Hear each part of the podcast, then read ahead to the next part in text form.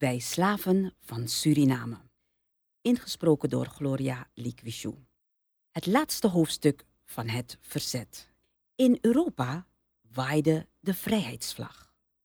Jean-Jacques Rousseau schrijft over de paradijstoestand der natuurvolkeren.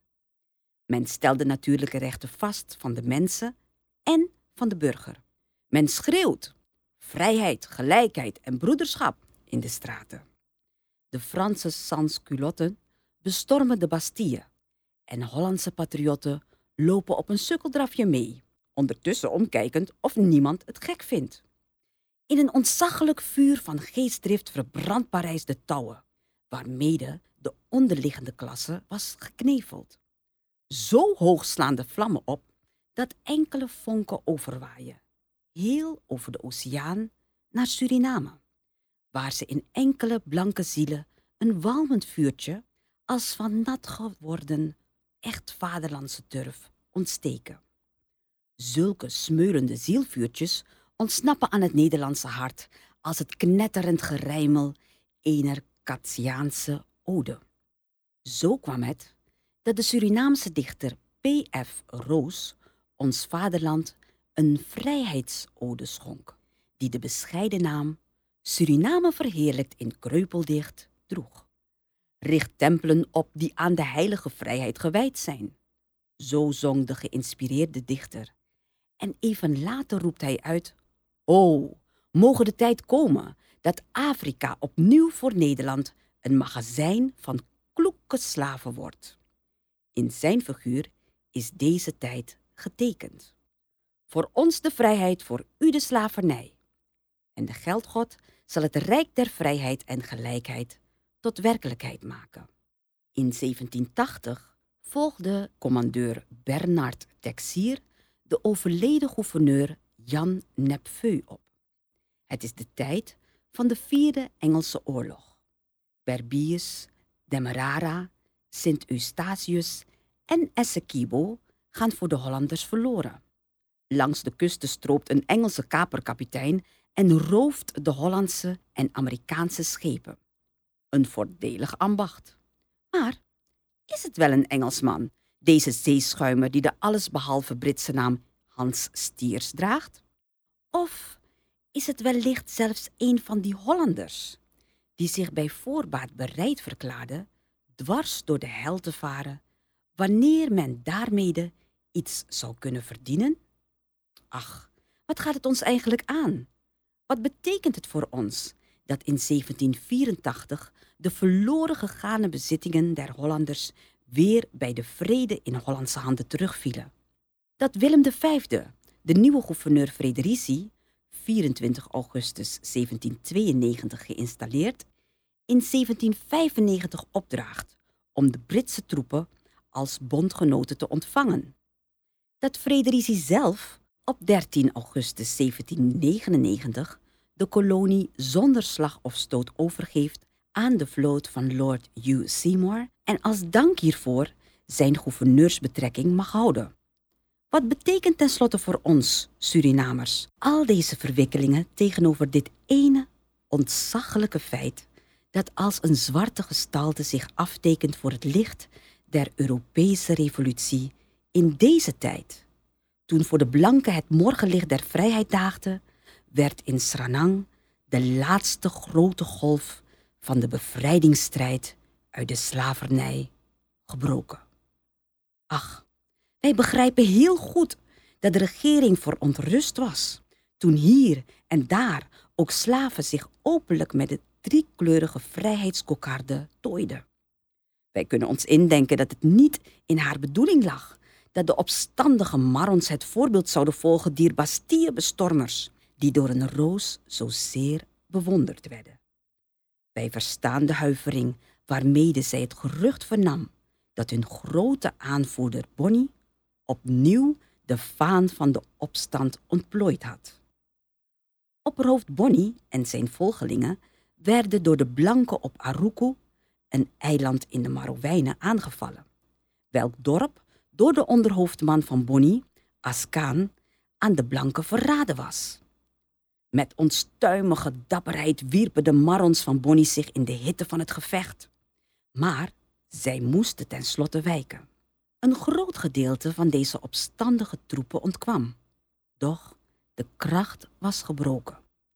De marrons werden nu verstrooid, terwijl ellende, kommer, hongersnood en de voortdurend hen achtervolgende kogels der blanken voortaan het deel deze stoere helden waren.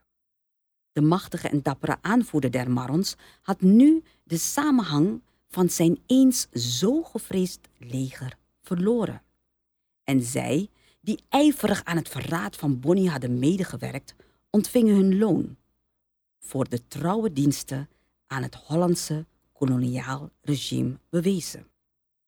Bij de overrompeling van een der laatste benden werden twintig Marrons gedood, waaronder Bonnie, Cormantijn, Kodjo en Paetje. Zij behoorden tot het gespuis, zoals destijds de blanken de Marrons noemden. Maar voor ons zijn en blijven zij helden.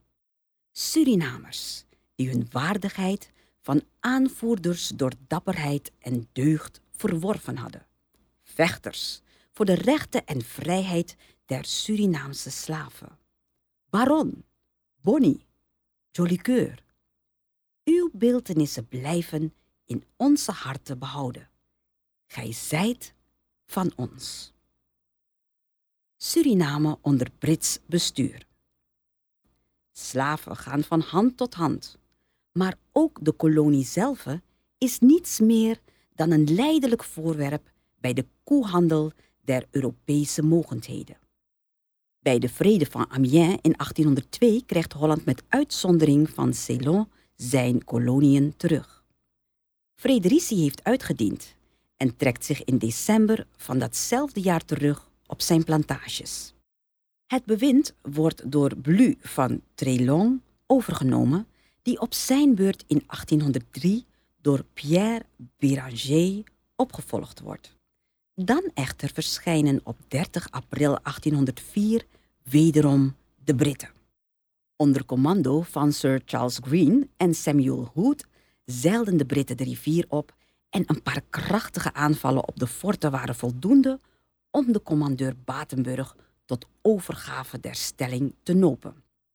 Tot geruststelling veler kolonisten bleek spoedig dat de Engelsen goed geld lieten verdienen. De nieuwe gouverneur Sir Charles Green begon met de geruststellende verklaring dat alle Europeanen hun vrijheid en het rustig bezit hunner eigendommen ook onder Brits regime zouden behouden. Deze verklaring was niet overbodig, want reeds onder het bewind van Frederici was een zwarte schaduw gevallen over het geluk der kolonisten. Terwijl in Nederland Suriname nog gruwelen als die van Varenhorst en die op de plantage Arendsrust voorvielen, had in het land der revolutie dadelijk na de terechtstelling van Lodewijk XVI de Nationale Conventie reeds het besluit genomen om de slavernij in de Franse koloniën af te schaffen. En dat deze wet geen dode letter bleef, bleek toen het bestuur te Parijs een decreet van verbanning uitvaardigde tegen vele der aanzienlijkste blanke tirannen van Cayenne. Deze verbanning bood aan Nederland de gelegenheid om te bewijzen hoe hoog het asielrecht daar stond aangeschreven.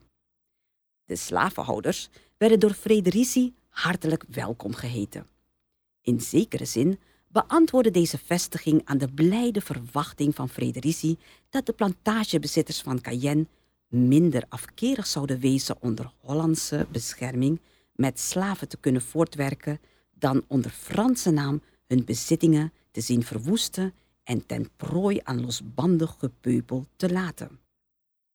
Aan de andere kant echter waren steeds scherper verordeningen, steeds meer Spaanse bokken, een groot aantal ketenen en een leger soldaten nodig om te voorkomen dat de uittocht der slaven naar het land der vrijheid een al te grote omvang aannam.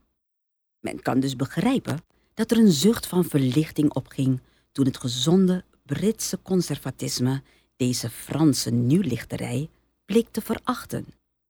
En toch waren zelfs de Britten, die zich in koloniaal bestuur nergens ter wereld ooit sentimenteel getoond hebben, verontwaardigd over vele der toenmalige Hollandse methoden en gebruiken. Achtereenvolgens werd de kolonie na Green geregeerd door drie Britse gouverneurs. Sir William Hughes van 1805 tot 1808, Charles van Bentinck van 1809 tot 1811 en Pinsem Bonham van 1811 tot 1815. Reeds onder Hughes protesteerden de Britse officieren tegen het gebruik dat particulieren hun slaven op het Fort Zeelandia tuchtigen lieten. Zij beschouwden dit als een belediging van de Engelse vlag en wilden een einde maken aan the cries of these poor wretches suffering torture. Van Hollandse zijde toonde men zich over dit schrijven zeer verbolgen. Het was reeds een belediging om te spreken over torture, daar het immers slechts een maatregel gold die met het bestaan van een slavenstand onverbrekelijk was verbonden.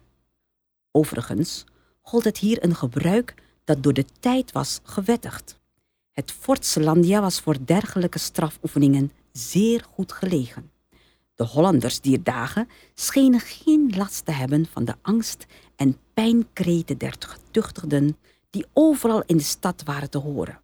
En de meeste kolonisten zouden het afschaffen deze oude gewoonten als een inbreuk op het heilige recht van de eigendom beschouwen. Erger nog, in hun ogen was de langmoedigheid die door de Britten getoond werd tegenover vier gevangen genomen muitende jagers. Het gold hier inderdaad een feit van ontzaglijke betekenis dat zeer verstrekkende gevolgen had kunnen hebben. Als ieder koloniaal bewind had ook het Hollandse getracht om de last der verdediging van haar belangen voor een deel af te wentelen op de inheemsen, die door een betrekkelijke vrijheid, goede bezoldiging, uniformen en verdere gunsten overgehaald werden om zich tegen de eigen landgenoten te keren. Zo telde dan Suriname een korps van een goede 400 jagers of redimusus aan wier betrouwbaarheid men tot nog toe nooit had getwijfeld. Maar het bloed kruipt waar het niet gaan kan. En met verbijstering vernamen de Europeanen dat plotseling twee detachementen van ieder ongeveer dertig man de wapens tegen hun officieren gekeerd hadden, overgegaan waren tot muiterij en zich bij de Marons hadden aangesloten. Hoewel Hughes zich persoonlijk naar het terrein van de strijd begaf, slaagde hij er niet in de opstandelingen tot onderwerping te brengen. Alleen had men het geluk om door verraad en list vier van de muiters gevangen te nemen. Hees van wraakzucht eisten de Hollandse kolonisten een straf. Zo vreed afschrikwekkend dat de schrik er onder de Redimusus weer in zou komen. Reeds had men van de voorraadzolder hun oude kruis tevoorschijn gehaald en de zware koevoet waarmede bij het radbraken lid voor lid van benen en armen der ongelukkigen werd gebroken. Men begrijpt welke honende opmerkingen Sirius te voortduren had toen hij, men schreef het jaar 1807, de straf van het radbraken uit de tijd bleek te achten en er zich toe bepaalde de vier muiters op te laten hangen, waarna men hun lijken onthoofd en verbrand heeft. De verontwaardiging echter kende geen grenzen. Toen in 1808 bij parlementsbesluit de handel in slaven werd verboden. Reeds in 1806 was bepaald dat jaarlijks niet meer slaven mochten worden ingevoerd dan maximaal drie op elk honderdtal dat zich reeds in de kolonie bevond. Zo werden in 1806 slechts 987, het volgend jaar 467 slaven ingevoerd. Het is dan ook geen wonder dat het verbod van 1808 een dode letter is gebleven en er onmiddellijk op grote schaal een sluikhandel in slaven ontstond, waarvan het jaarlijks binnengesmokkelde aantal slaven op duizend werd geschat. Want de meeste Hollanders die dagen dachten er evenmin over zich aan de wet te storen als de Amerikaan zich aan de beroemde prohibitie gestoord heeft. Gedurende deze gehele periode was het eigenlijke bestuur grotendeels in handen van Britten. Vaak zelfs werden hoge betrekkingen aan Engelsen toebedeeld die rustig in het moederland bleven wonen en de bediening van hun ambten aan anderen verpachten. Het land werd letterlijk overstroomd met militairen, terwijl tal van nieuw geschapen posten een goed bestaan aan jonge Engelsen opleverde. Dat de kosten van het bestuursapparaat zo loodzwaar op de inheemse komen te drukken, maakte nu eenmaal deel uit van het stelsel. Wat de Hollanders aangaat, hun diverse raden werden nog steeds met grote pracht en plechtigheid geopend. Het waren echt Surinaamse prinsjesdagen. In werkelijkheid hadden zij echter zo goed als niets meer in te brengen. Bij de Vrede van Parijs op 20 november 1815 kreeg Nederland met uitzondering van Berbice, Demerara, Essequibo en de Kaap alle door Engeland veroverde koloniën terug. Dus ook Suriname. Aan Willem I werd bij de gewijzigde grondwet het uitsluitend opperbestuur over de koloniën opgedragen. Een reglement werd opgesteld voor het beheer der kolonie en de 26 februari 1816 werd de Engelse vlag gestreken voor de Hollandse driekleur. Nog een halve eeuw zou het duren, eer de slavernij werd afgeschaft. De grote brand. Aan de bovenzijde der kolonie voltrekt zich de geschiedenis met de dodende eentonigheid eener machine. 27 februari 1816 tot 9 juli 1816, gouverneur Willem Benjamin Panhuis. 1816 tot 1822, gouverneur Cornelis Fayant. 1822 tot 1827, gouverneur Abraham de Veer.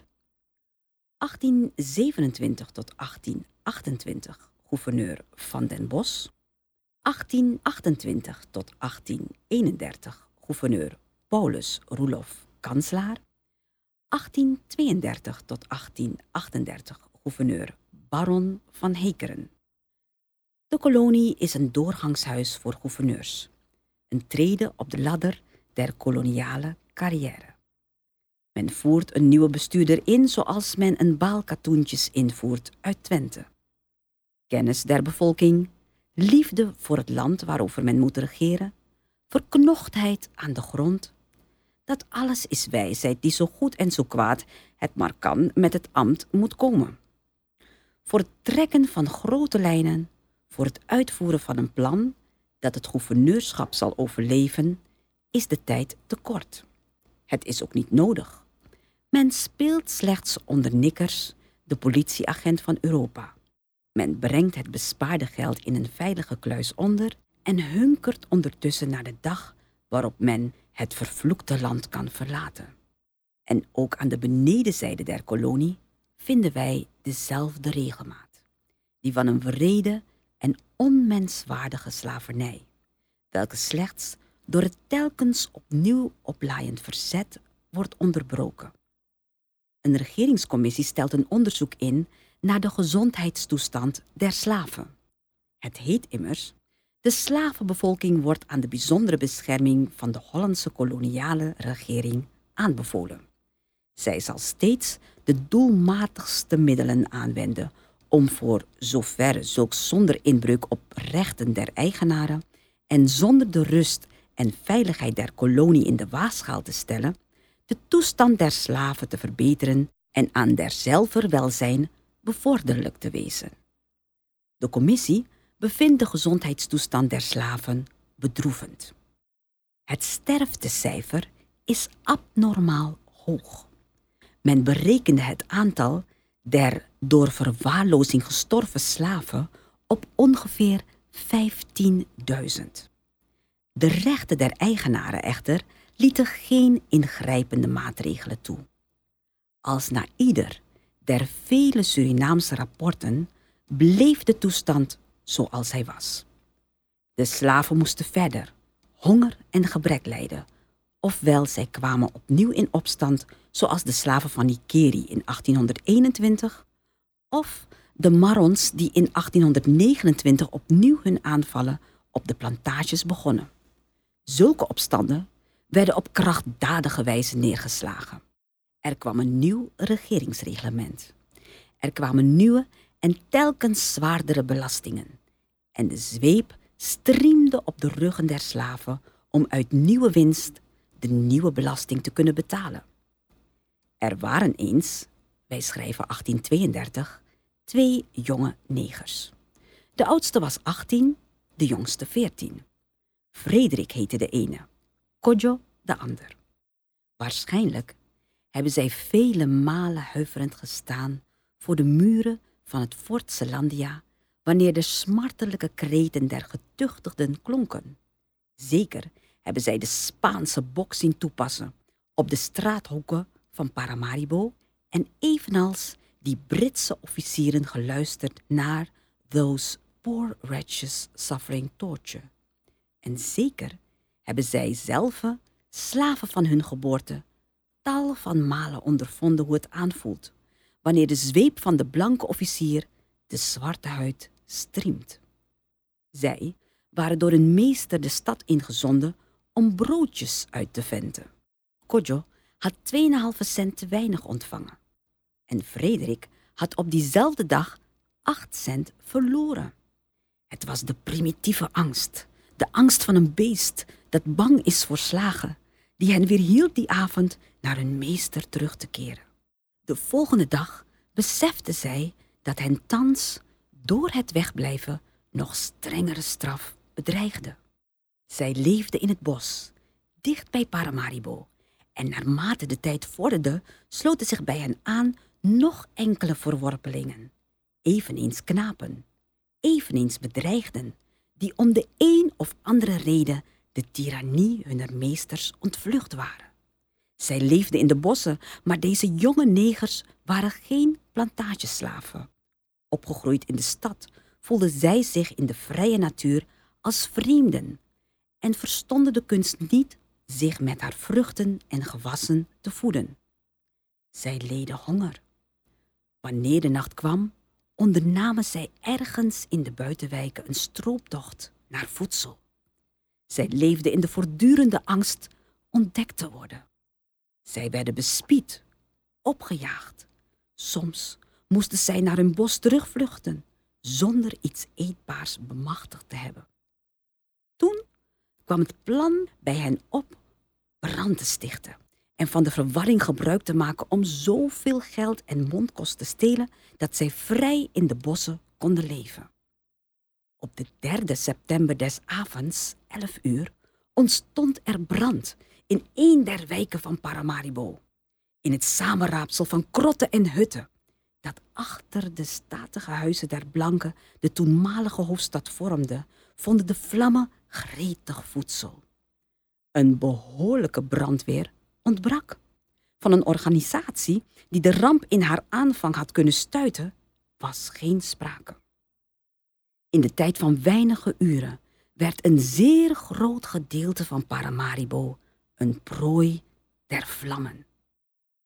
Waren de jonge negers van de uitwerking hunner daad geschrokken? Was het licht der vlammen te helder geweest om hun oorspronkelijke opzet te kunnen volvoeren?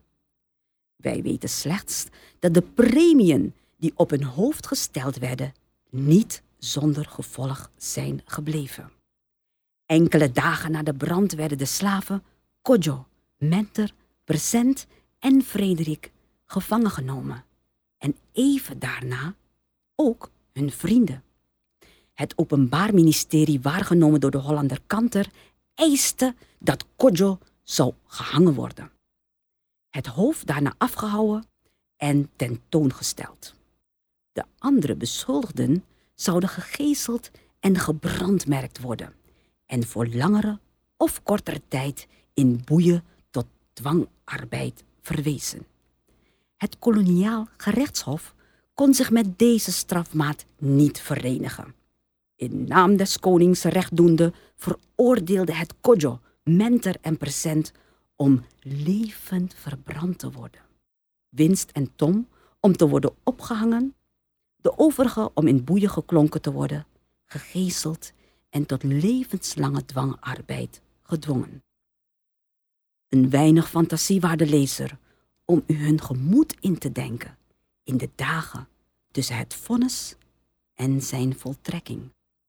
Een weinig fantasie om u die stampvolle plaats te Paramaribo voor te stellen, waar de geur van gebraden mensenvlees omhoog steeg.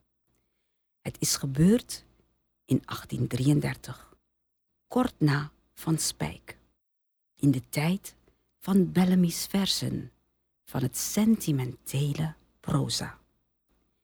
In die tijd van het levend verbranden van drie, ophangen van twee, het tot levenslange dwangarbeid veroordelen van vijf negerjongens, waarvan de meesten de leeftijd van twintig jaar nog niet hadden bereikt. Ach, het is geen schone herinnering die wij in onze harten aan deze daad bewaren.